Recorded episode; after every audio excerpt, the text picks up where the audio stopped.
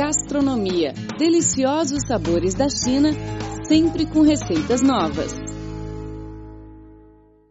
Olá, amigos, tudo bem? Seja bem-vindo a mais uma edição do programa Gastronomia. Sou Rosana Zhao e estou muito contente para compartilhar neste espaço a cultura gastronômica e as receitas mais deliciosas da China e de outros lugares do mundo. Está ao meu lado no estúdio a nossa amiga brasileira Fernanda Wendland. Olá, Fernanda. Olá, Rosana. Olá também, ouvintes do programa Gastronomia. É muito bom estar aqui com vocês, até porque é um programa onde a gente pode conversar e aprender sobre o patrimônio imaterial gastronômico gastronômico de diversos países do mundo de uma maneira gostosa. Rosana, e o que a gente preparou hoje para os nossos ouvintes? A nona cúpula do BRICS, grupo composto por Brasil, Rússia, Índia, China e África do Sul, será realizada durante os dias 3 e 5 de setembro em Xiamen, na província de Fujian, sudeste da China. Então, neste programa de hoje, vamos falar sobre os sabores deliciosos dos cinco países. A culinária do Brasil é fruto de uma mistura de ingredientes europeus, indígenas e africanos. Muitos dos componentes das receitas e técnicas de preparo são de origem indígena, tendo sofrido modificações por parte dos portugueses e dos escravos oriundos da África. A alimentação diária, feita em três refeições, envolve o consumo de café com leite, pão, frutas, bolos e doces no café da manhã, feijão com arroz no almoço, refeição básica do brasileiro, aos quais são somados, por vezes, o macarrão, a carne, a salada e a batata, no jantar. Sopas também são comidas no jantar e outras comidas regionais. As bebidas destiladas foram trazidas pelos portugueses ou como a cachaça fabricada na terra. O vinho é também muito consumido, por vezes somado a água e açúcar, na conhecida sangria. Já a cerveja começou a ser consumida no fim do século XVIII e hoje é uma das bebidas alcoólicas mais consumidas. É muito difícil estabelecer um único prato típico brasileiro, mas sabemos que o prato mais conhecido é o famoso arroz com feijão, ou também a feijoada. O preparo desta especialidade varia conforme a região. A feijoada é um prato de origem escrava, pois na época da escravidão no Brasil, os senhores forneciam aos seus escravos restos de carne de porco que cozidas com o feijão e a água deu origem origem a famosa feijoada. As culinárias regionais mais visíveis pertencem aos estados de Minas Gerais e Bahia, sendo a culinária mineira marcada pela influência portuguesa em iguarias e laticínios, como o pão de queijo, o queijo Minas e o feijão tropeiro, e a culinária baiana pela presença de quitutes africanas como a acarajé, o abará e o vatapá. Já a culinária de Pernambuco destaca-se pela chamada doçaria pernambucana, ou seja, os doces desenvolvidos durante o período colonial e imperial, nos seus engenhos de açúcar, como o bolo, de rolo, o bolo Souza Leão e a cartola, e também pelas bebidas e iguarias salgadas descobertas ou provavelmente originadas no estado. A culinária brasileira deve várias influência miscigenada. Uma delas é a mistura indígena com a forte imigração europeia que houve no país. Essa mescla de povos deu origem principalmente à culinária da região norte, um dos maiores exemplos da culinária nacional. Uma forte influência foi a de imigrantes portugueses. Logo em seguida, a culinária foi se abrangendo com a chegada de outros povos, como é o caso de japoneses, libaneses e italianos. No norte do Brasil, por exemplo, os ingredientes conhecidos são mandioca, açaí, urucum, guaraná e as castanhas. Na região nordeste do Brasil, a culinária teve uma influência forte africana, como é o caso da Bahia, por exemplo. Mas, claro, não podemos esquecer que os portugueses também marcaram presença no Maranhão. Nessa região, devido essas imigrações, os ingredientes que mais predominam são o famoso azeite de dendê, que é usado em vários pratos, a mandioca, leite de coco, gengibre, milho, raízes fortes e picantes, além de frutos do mar. Na região sul, devido à mistura de etnias, deu origem a uma culinária bastante diversificada. Aqui encontramos a presença da cozinha italiana, alemã, espanhola e, claro, como sempre, a portuguesa, que é super influente em quase todas as regiões do Brasil. É aqui no sul que encontramos o delicioso churrasco, prato típico do Rio Grande do Sul. Com a chegada dos italianos, italianos ao sul do Brasil, temos hoje uma grande influência da culinária italiana, que são as massas e a polenta. Na minha região, em Curitiba, temos um bairro que se chama Santa Felicidade. Ai, que saudade de Santa Felicidade. É um, é um bairro onde que tem muitos restaurantes italianos, uma delícia, risoto, frango, é, polenta de vários tipos, enfim. Nessa região há um enorme número de restaurantes italianos. E um, porque lá teve uma grande concentração também, lógico, dos italianos. Pratos italianos, além das massas de risoto, né, polenta, como eu acabei de falar. A influência alemã ficou mais predominante nas cidades do interior de Santa Catarina, Joinville e Pomerode, por exemplo. Lá é onde encontramos os melhores cafés coloniais do país, bem típicos alemães. No Paraná, o prato típico é o barreado.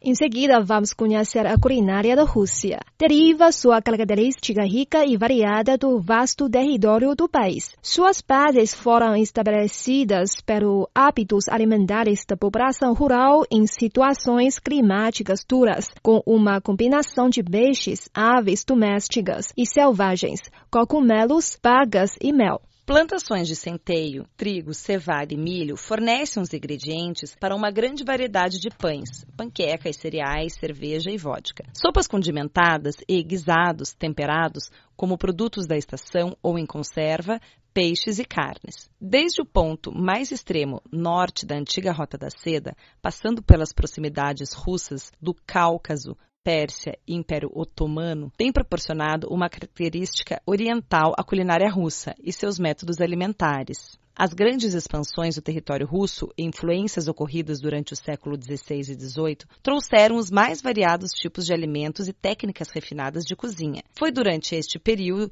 que os peixes e carnes defumadas, massas, legumes, chocolate, sorvete, vinhos e bebidas alcoólicas foram importados de países estrangeiros. O resultado é uma forma variada de técnicas, temperos e combinações. Os ingredientes como batata pão, peixe, carne e smetana, um creme de leite azedado também são usados. Existe o provérbio russo que diz sem pão não há refeição. O caviar, iguaria no mundo todo, também foi muito consumido pelo povo russo. Cogumelos gigantes e legumes de todos os tipos são amplamente consumidos no país além de sopas de gosto variados. Não tem como dizer nada sobre a culinária russa sem dizer de vodka. Na Rússia, a bebida alcoólica é amplamente consumida para suprir o frio. Na Rússia, os aperitivos são leves, geralmente saladas com aparência bonita e cheirinho delicioso, com principal função de estimular o apetite antes do prato principal.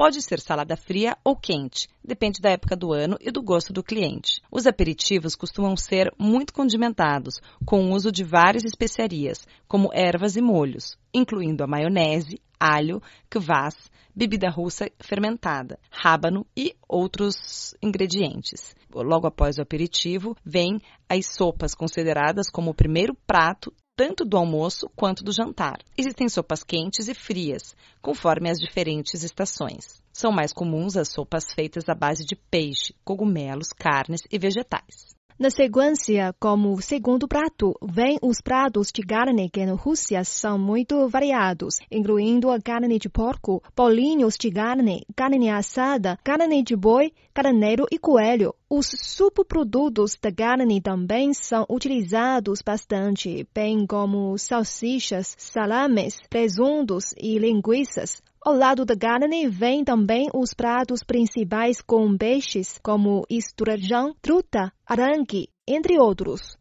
A Índia é um país que possui uma longa história e cultura esplêndida. Entre os maiores atrativos dessa terra está sua rica culinária, cheia de temperos e especiarias que conferem a muitos pratos um sabor inesquecível. Considerada por alguns como a culinária mais diversificada do mundo, cada ramo da cozinha indiana é caracterizado por uma ampla gama de pratos e técnicas culinárias. Embora uma significativa porção de comida indiana seja vegetariana, muitos pratos indianos tradicionais incluem frango, peixe, cordeiro e outras carnes. Porém, o bife não é consumido pela maioria dos hindus. As vacas são sagradas por lá. Em termos gerais, a culinária indiana pode ser dividida em quatro categorias, dependendo de onde venha a sua influência: norte, sul, leste e oeste. Apesar da diversidade, alguns aspectos comuns fazem parte da culinária indiana como o todo. O uso de grande variedade de especiarias é parte integral da preparação